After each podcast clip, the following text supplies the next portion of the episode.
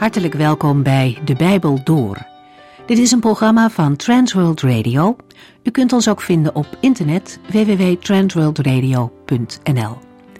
De Bijbel Door is een radioserie die in vijf jaar tijd door de hele Bijbel gaat.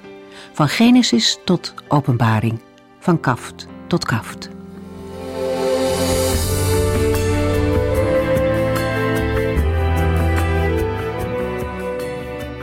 Vandaag openen we de Bijbel bij het boek Habakkuk.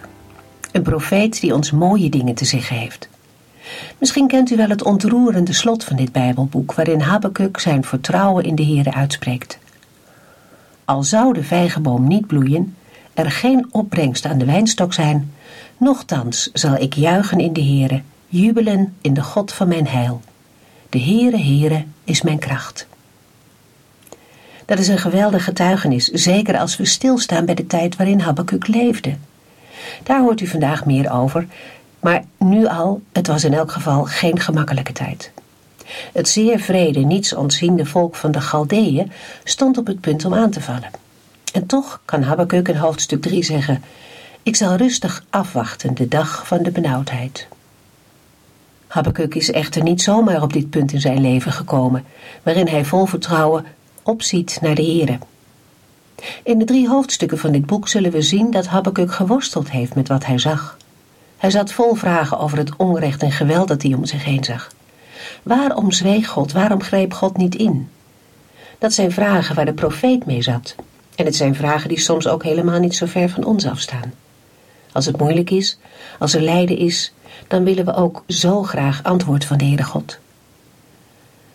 Eén ding is kenmerkend voor Habakkuk. Hij gaat met zijn vragen naar de Heere. Hij laat God niet los.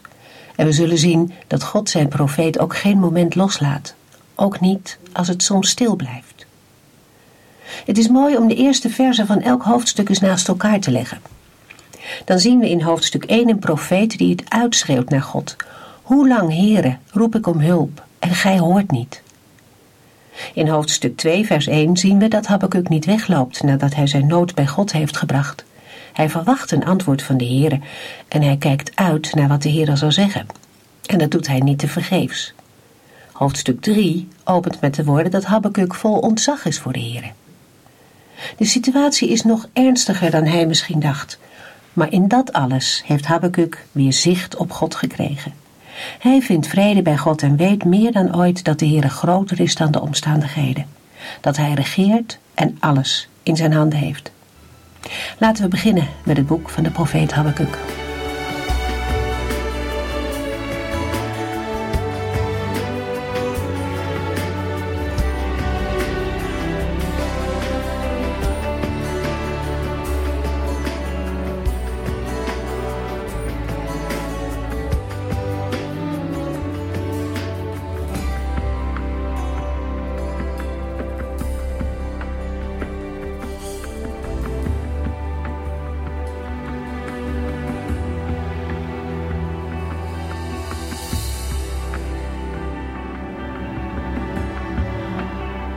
Alle mensen die de Heer in zijn dienst gebruikt, hebben iets unieks. De Heere die soeverein zijn dienaren uitkiest en hen vormt en bruikbaar maakt tot de bedoeling die hij met hen voor ogen heeft, is zeer creatief en zet mensen in op de voor hen beste plaats. De Heere werkt niet steeds met eenzelfde soort dienaren, met gelijke gaven, dezelfde taken en geeft niet steeds dezelfde opdrachten. De Heere werkt op vele manieren, door verschillende mensen, met steeds weer andere talenten en vaardigheden. Het doet denken aan de vele geestelijke uitingen en bijzondere gaven waarover de apostel Paulus schrijft in 1 Corinthiërs 12 vers 4 tot en met 11, waar we lezen: De bijzondere gaven zijn verschillend maar ze worden gegeven door dezelfde geest. De taken zijn verschillend, maar ze worden opgedragen door dezelfde Here. De activiteiten zijn verschillend, maar ze worden ontplooid door dezelfde God die alles in ons allen bewerkt. De geest openbaart zich door elk van ons tot welzijn van de hele gemeente. De een brengt Gods wijsheid onder woorden, door de geest. De ander geeft blijk van Gods kennis, door dezelfde geest. De een krijgt ergens geloof voor en de ander de gave om zieken te genezen, beiden door dezelfde geest. De een doet wonderen, de ander geeft Gods woord door. De een weet te onderscheiden wat wel en wat niet van Gods geest afkomstig is. De ander spreekt in klanktalen en weer een ander legt uit wat in die klanktalen gezegd wordt. Maar het is één en dezelfde geest die dit allemaal bewerkt. Hij geeft ieder wat hij nodig vindt. Hij deelt zijn gaven uit zoals hij wil. De Heere is zowel in het Oude Testament als in het Nieuwe Testament de schepper en de kunstenaar. In zijn werk schittert zijn veelkleurige wijsheid. Dat zien we ook in de kring van de kleine profeten. Iedere profeet is uniek. Samen vormen zij een aantal muziekinstrumenten in Gods grote orkest, dat speelt onder de leiding en de aanwijzingen van de Heilige Geest. Het is de Heilige Geest die zorgt dat al die verschillende tonen tot één harmonisch geheel worden. Want de Heilige Geest is immers de auteur van de Bijbel en ook de profeten spreken op zijn aanwijzing en inspiratie. We lezen in 2 Timotheus 3, vers 16 en 17. Alles in de boeken is door God geïnspireerd en is nuttig om ons de waarheid te leren en ons te wijzen op wat er aan ons leven en geloof nog mankeert. Het zet ons leven op orde en helpt ons in te zien wat juist en goed is. Zo maakt God ons klaar, opdat Hij ons voor elk goed werk kan gebruiken. Het unieke van ieder mens treft ons ook bij de profeet Habakkuk, die nu onze aandacht vraagt. Van Habakkuk weten we heel weinig. Als ergens blijkt dat de boodschappers van God schuilgaan achter hun boodschap, dan is dat wel bij de profeet Habakkuk. Wij kennen zijn naam en dat is meer dan wij kunnen zeggen van zoveel andere boodschappers die de Heere gebruikte in zijn dienst. Veel boodschappers van Gods boodschap en evangelie zijn voor ons naamloos gebleven. Natuurlijk, God kent hen wel. De Heere heeft hen zelfs een nieuwe naam gegeven die niemand kent, behalve hij zelf als hij hem ontvangt. De naam van Habakkuk zorgt voor een probleem. In de Bijbel zullen we nergens een naam vinden die op de naam Habakkuk lijkt. In Israël was het gewoonte een kind een naam te geven waarin de naam van God is opgenomen. Ook gaat het vaak om een werkwoordsvorm die is te herleiden. Maar in de naam Habakkuk komen we geen naam van de Heere tegen. Over het tweede punt, tot welke werkwoordsvorm de naam is te herleiden, is onder Bijbeluitleggers veel verschil van mening. De discussie gaat dan over hoe wij de naam Habakkuk moeten schrijven en over de betekenis. Sommige uitleggers vermoeden Assyrische invloeden. Dat kan een bewijs zijn voor een niet-Joodse afkomst van de profeet Habakkuk. Voor andere Bijbeluitleggers is dat weer zeer onwaarschijnlijk, omdat de naam Habakkuk in het Assyrisch herinnert aan een gewas uit een groentetuin. Met andere woorden, en gedacht naar onze tijd. Je kunt nog zo Assyrisch denken en trots zijn op je moedertaal, maar dat betekent nog niet dat een vader en moeder hun kind zullen vernoemen naar een gewas uit de groentetuin. Een andere gedachte is dat de naam te maken heeft met het Hebreeuwse werkwoord voor omhelzen. Dan betekent de naam de omhelsde of de geliefde. Deze betekenis heeft aanleiding gegeven tot de gedachte dat Habakkuk de zoon is van de vrouw uit Sunem, waarover we lezen in 2 Koningen 4. We lezen van haar in de Hebreeuwse tekst dat zij haar zoon, nadat ze hem uit de dood had teruggekregen, nam en omhelsde. Maar die conclusie is moeilijk vol te houden, gezien de tijd waarin de profeet Habakkuk optrad. De opvatting die overblijft en met betere argumenten naar voren wordt gebracht, is dat de naam Habakkuk zoiets betekent als de handenwringer of de handenvouwer. Vooral in de aanduiding de handenvouwer is de profeet Habakkuk goed te herkennen. Handenwringend zien wij de profeet door de straten van Jeruzalem lopen, waar de goddeloosheid domineert, het recht wordt verdraaid en de goddelozen heersen over de rechtvaardigen. Maar ik zie Habakkuk ook handen vouwen tot de Heere gaan. Een biddende profeet, die de nood van zijn eigen ziel en van zijn volk in de handen van God neerlegt en daarmee opklimt vanuit de donkerheid van zijn omstandigheden naar het licht van God. In Habakkuk 3 vers 17 tot en met 19 lezen we daarvan een voorbeeld.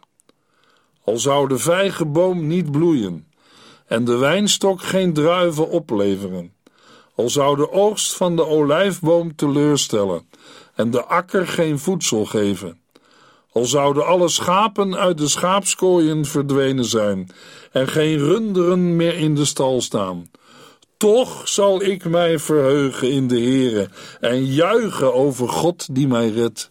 De oppermachtige Heer is mijn kracht.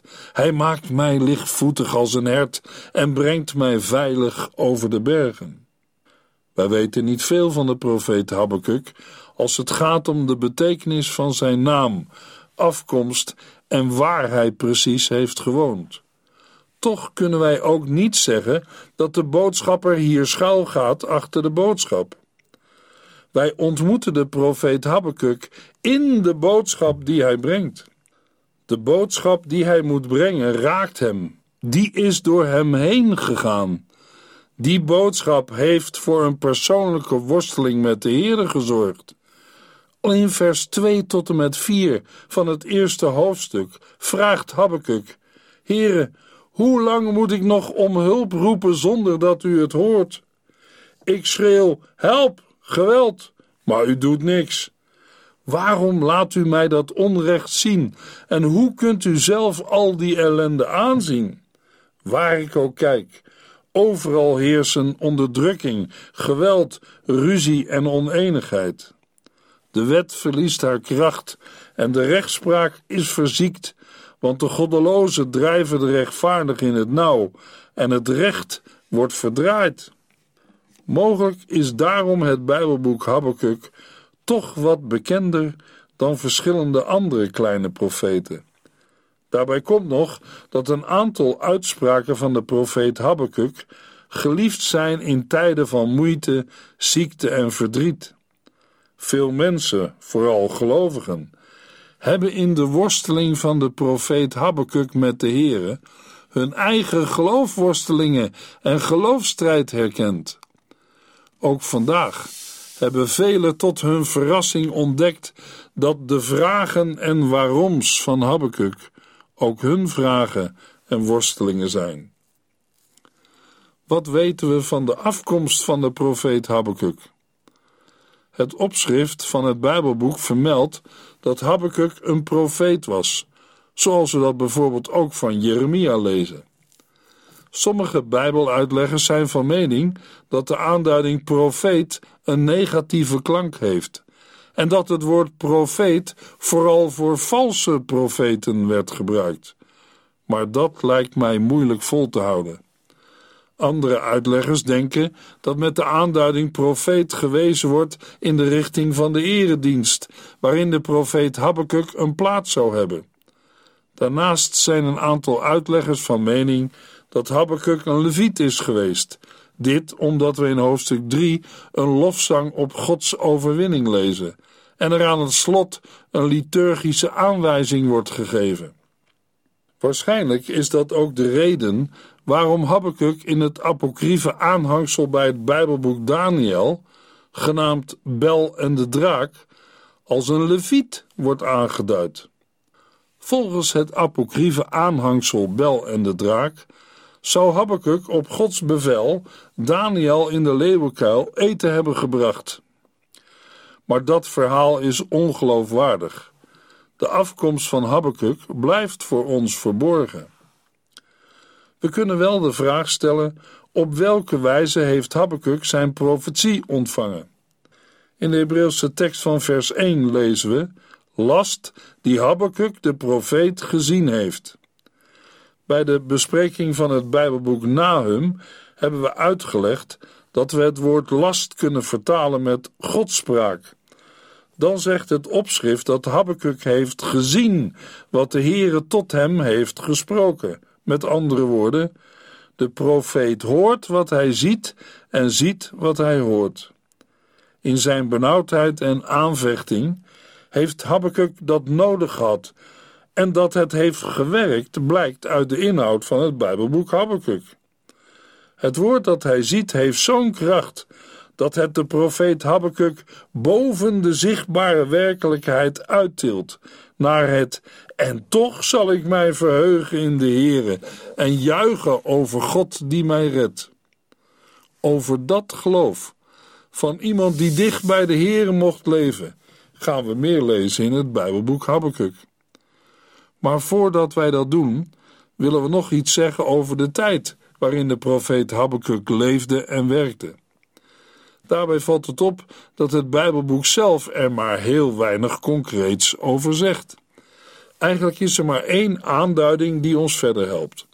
In Habakkuk 1 vers 6 lezen we ik ga een nieuwe wereldmacht ten tonele voeren, de Galdeën, een wreed, woest volk. Zij trekken de hele wereld door en veroveren andermans woonplaatsen. Met de naam Galdeën worden de Babyloniërs bedoeld die in het laatste kwart van de zevende eeuw voor Christus opkwamen als een nieuwe wereldmacht in het Midden-Oosten. Het waren de Galdeën die in 612 voor Christus Nineveh verwoesten en de macht van het Assyrische Rijk overnamen, totdat zij in 539 voor Christus de macht kwijtraakten aan de Meden en de Perzen. Het feit dat we in Habakkuk 1 vers 6 over de Galdeën lezen, geeft aan dat de genoemde wereldmacht in de dagen van de profeet Habakkuk nog in opkomst is en dat de eerste inname van Jeruzalem door het leger van Babylonië onder leiding van koning Nebukadnessar nog in de toekomst ligt.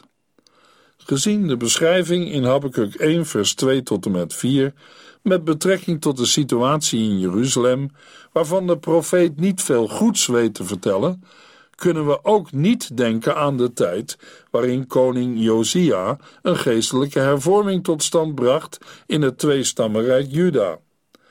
De tijd van de goddeloze koning Manasse van Juda is weer te vroeg, want dan zou Habakkuk een tijdgenoot van de profeet Nahum zijn geweest.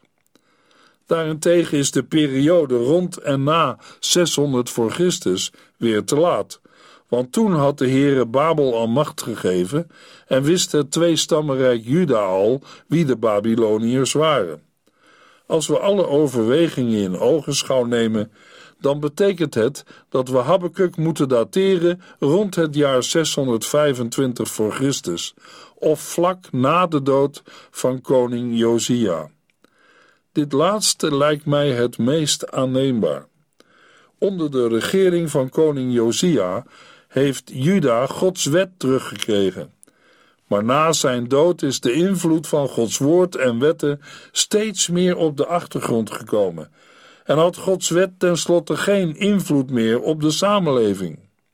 In Habakkuk 1 vers 4 zegt de profeet: De wet verliest haar kracht en de rechtspraak is verziekt, want de goddelozen drijven de rechtvaardig in het nauw en het recht wordt verdraaid. De profetie van Habakkuk begint niet met een boodschap van de Heere, maar met een noodkreet van de profeet zelf. Heere, hoe lang moet ik nog om hulp roepen zonder dat u het hoort? Ik schreeuw: help, geweld, maar u doet niets. Het zijn woorden van een mens in nood en de diepste nood waarin een mens verkeren kan. Want het gaat om een gelovige, een mens die bewogen is met de zaak van de Heere, maar hij begrijpt zijn God niet. Habakkuk schreeuwt het uit, maar de Heere hoort het niet en hij doet niets. Het is een worsteling van alle tijden. Altijd zijn er mensen die Gods weg niet kunnen volgen en Gods handelen niet kunnen begrijpen. Voor hun besef leven zij onder een gesloten hemel. Maar moet een niet begrijpen van de weg van de Heere leiden tot een breuk met God? Hebben wij met de roep van de profeet Habakkuk te maken met een particuliere, eigenlijk een ongeoorloofde uiting van kritiek op het niet ingrijpen van God? Ik denk van niet. Dit is een profetie, een godspraak op last en macht van de Heere. Schrijf het maar op, zegt de Heere, als woord van de Heilige Geest. En handen wringend schrijft Habakkuk op: Heere, hoe lang? Heere, waarom? Is het kruiswoord van de Heer Jezus op Golgotha. Mijn God, mijn God, waarom hebt u mij verlaten? Een ongeoorloofde uiting van kritiek op het niet ingrijpen van God? Nee, het laat iets zien van een zware last die gedragen moet worden, omdat het niet anders kon. Er was en is geen andere oplossing. Habakkuk hoeft zijn nood niet te verbergen achter de gesloten deuren van de binnenkamer waar hij iedere dag bidt.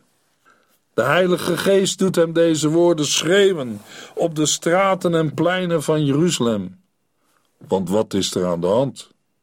Habakkuk loopt door Jeruzalem, de stad van God, waar zijn heilige tempel staat.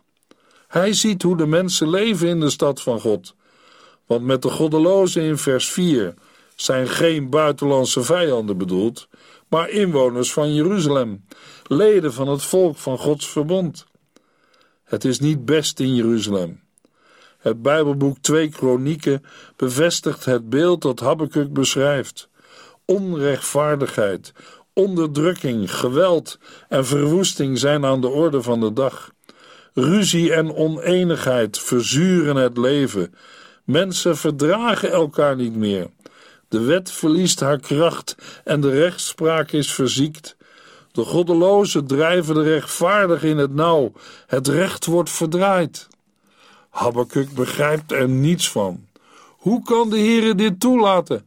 Waarom grijpt God niet in? Waarom ziet hij het allemaal aan zonder er wat aan te doen? Handen wringend schreeuwt hij het uit in zijn machteloosheid en aanvechting. Hij kan er niet bij dat de Heere niet oordelend en verlossend ingrijpt. Maar, zal iemand vragen, kan een nietig mens wel zo spreken tegen een heilige en almachtige God? Gaat Habakkuk niet te ver? Laten we nog even terugdenken aan wat we daarnet zeiden met betrekking tot de vragen die de profeet aan de Heere stelt. Hebben wij met de roep van de profeet Habakkuk te maken met een particuliere, eigenlijk een ongeoorloofde uiting van kritiek op het niet ingrijpen van God?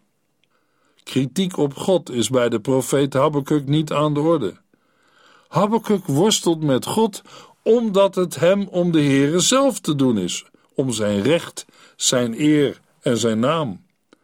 Dan kom je soms heel dicht bij de grens die je als mens niet mag overschrijden. De grens tussen uiterste vrijmoedigheid, die een beroep doet op God zelf, en brutale overmoed van iemand die vergeet dat hij een mens is en dat de Heer een heilige God is. Maar op die grens sta je handen wringend en bid je handen vouwend: Heere, doe iets, grijp in. U ziet toch wel dat het niet goed gaat? In Psalm 35 horen we David bidden: U ziet alles, Heere. Wilt u optreden? Och, Heere, laat mij niet in de steek. Sta op en vecht voor mijn recht. God, mijn Heere, voert u voor mij het woord in de rechtszaal. Laat u recht over mij beslissen, Heere mijn God, zodat ze geen leedvermaak over mij kunnen hebben. David en Habakkuk zijn niet de enige in de Bijbel die bidden om het recht van God. Ook Asaf is bewogen over de ellende in de wereld en worstelt met de voorspoed van de goddelozen. Hij roept en bidt om het recht van God. En laten we Johannes op Patmos niet vergeten als hij huilt omdat niemand waardig lijkt om de boekrol uit Gods handen te nemen en de zegels open te breken. Daar zit hetzelfde handenwringen achter. Heren, moet het dan altijd zo blijven? Komt er nooit een einde aan de zonde, aan de donkerheid en de dood in deze wereld? Luisteraar, Herkent u er iets van in uw eigen leven? Het kan zijn dat de Heere voor u momenteel een zwijgende God is. Mogelijk hebt u ook andere tijden gekend, waarin u dicht bij de Heere mocht leven. Een gelovige weet wel dat de Heere het aan hem of haar niet verplicht is antwoord te geven. Want wij mensen hebben van nature als zondaar alle rechten verspeeld. Maar wij mogen een beroep op de Heere doen, zoals hij zich in zijn woord bekend heeft gemaakt. In Psalm 9, vers 10 en 11 zingt David: Ieder die wordt verdrukt, mag bij hem komen. Hij is een schuilplaats voor wie in nood is. Ieder die uw liefde en genade kent, heren, zal zich voor hulp tot u richten. U laat iemand die zijn vertrouwen op u stelt niet in de steek. Als wij zo naar de Heer gaan, wil dat niet zeggen dat wij nu plotseling wel alles begrijpen wat de Heere doet of niet doet. Maar dan zijn we onder zijn bescherming en vrede. Maar ook dan moeten wij wachten op Gods tijd. Als illustratie lees ik een gedeelte uit Openbaring 6, vers 9 tot en met 11, waar we lezen: Toen het lam het vijfde zegel verbrak, zag ik onder het altaar de zielen van hen die vermoord waren, omdat zij de boodschap van God geloofd hadden en daar openlijk voor waren uitgekomen. Zij riepen luid: U bent een heilig heerser en u houdt uw woord. Hoe lang duurt het nog voordat u wraak neemt voor wat zij ons hebben aangedaan? Zij kregen allemaal een wit kleed en hun werd gezegd dat zij nog even moesten wachten. Eerst zou het aantal mededienaren en broeders en zusters dat ter wille van Christus gedood zou worden, voltallig moeten zijn. Persoonlijke omstandigheden kunnen de oorzaak zijn dat we de Heere ervaren als een zwijgende God. Bij Habakkuk gaat het vooral om de situatie waarin Gods volk verkeert. En wat voelt hij zich bij dat volk betrokken? Gebed is kenmerkend voor een echte gelovige. Al begrijpt hij of zij de Heere niet, en al heeft hij of zij moeite met het niet ingrijpen van God, toch roept een gelovige de Heer aan. Hij of zij kan niet anders. Mogelijk vol bangheid en zorgen wacht hij of zij op uitkomst van de Heer. De profetie van Habakkuk begint met de woorden: Dit is de profetie die God aan Habakkuk doorgaf. Daarover meer in de volgende uitzending.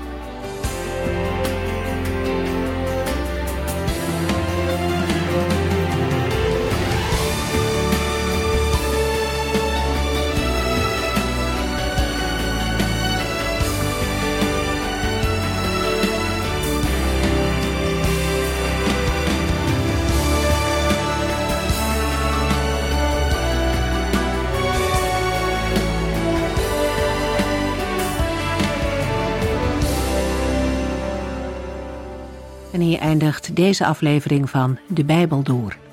Een serie programma's van Transworld Radio. Wilt u ons iets vragen of meer weten? Dan kunt u altijd contact met ons opnemen. Bellen kan overdag met 0342 478432. Per post Transworld Radio. Postbus 371. Postcode 3770. Anton Johannes in Barneveld. En e-mailen kan ook. De Bijbel door at transworldradio.nl En natuurlijk ook via onze website transworldradio.nl Dit programma werd gepresenteerd door Cor Weda en Ike André. En namens iedereen die er nog meer aan meegewerkt heeft, graag tot de volgende keer.